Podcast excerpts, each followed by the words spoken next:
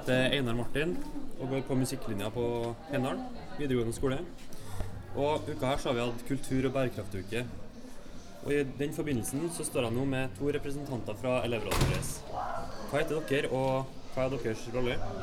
Eh, Jeg heter Maria. Jeg, jeg går eh, tredjeåret på studiet, og jeg var fjorårets nestleder i elevrådet. Og jeg heter Oskar Gåse og er avtroppende elevrådsleder her på Heimdal. Ja. Eh, Hva har skjedd her på skolen denne uka?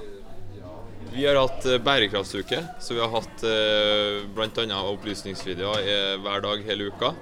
Og så har vi avslutta det hele med et foredrag av Dennis, som er programleder i Newton.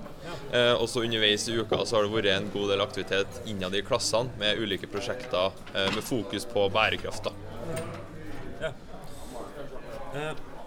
I mars så var dere i Adressa etter at elevrådsrepresentanter fra sju av de videregående skolene i Trondheim hadde et innlegg i avisa. Hva tok dere opp da? Nei, vi var jo eh, måte uenige i måten eh, sortering av søppel ble håndtert på de ulike skolene, så vi mente jo at det var på tide å gjøre noe med det da, og få muligheten til å resirkulere på skolene.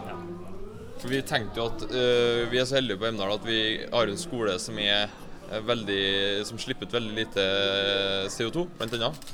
Eh, men bygget er veldig bra, men det som skjer på innsida av bygget er ikke nødvendigvis like bra.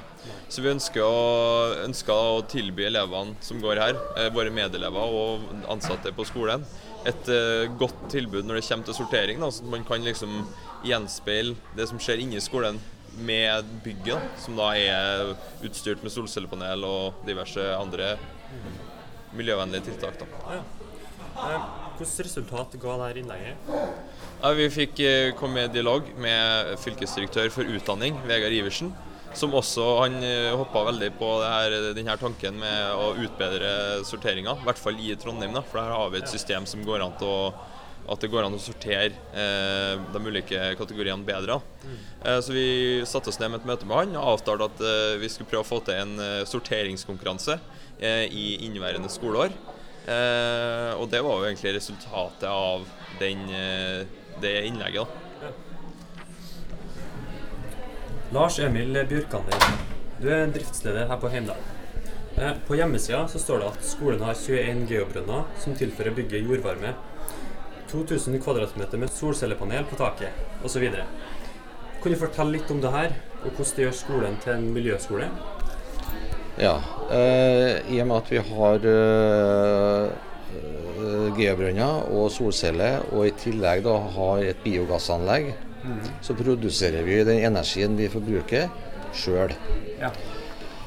Så eh, har vi overskudd på termisk varme fra biogassen.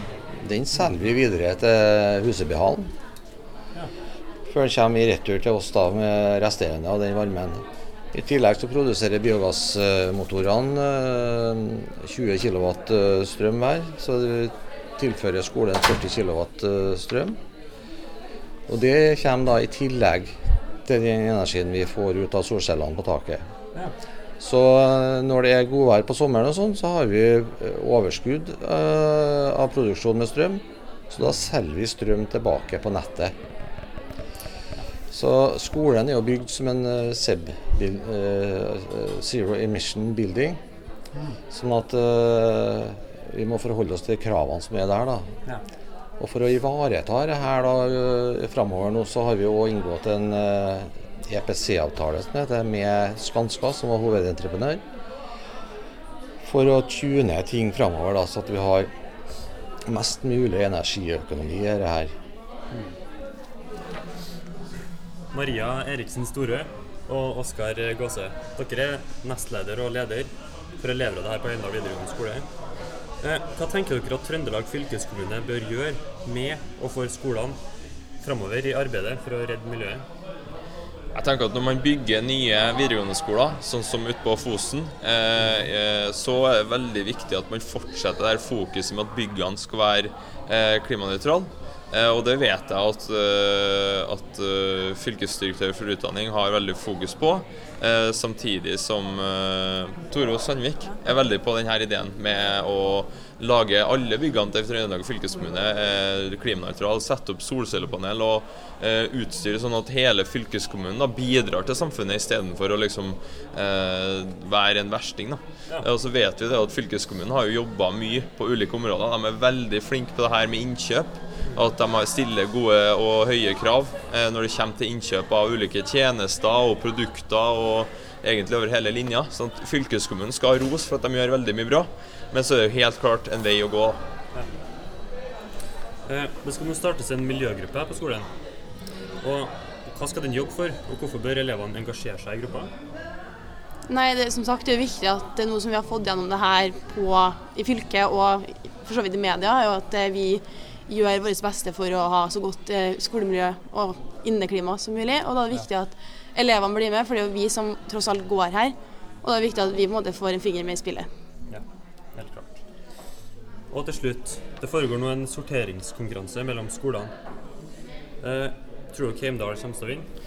Det er litt us eh, uklart hvordan vi ligger an eh, pga. korona, men vi eh, håper jo helt klart at Heimdal skal gjøre det så bra som mulig, ettersom vi er lysten på å slå de andre skolene. Ja. Så jeg har tro på at vi vinner, hvis det blir.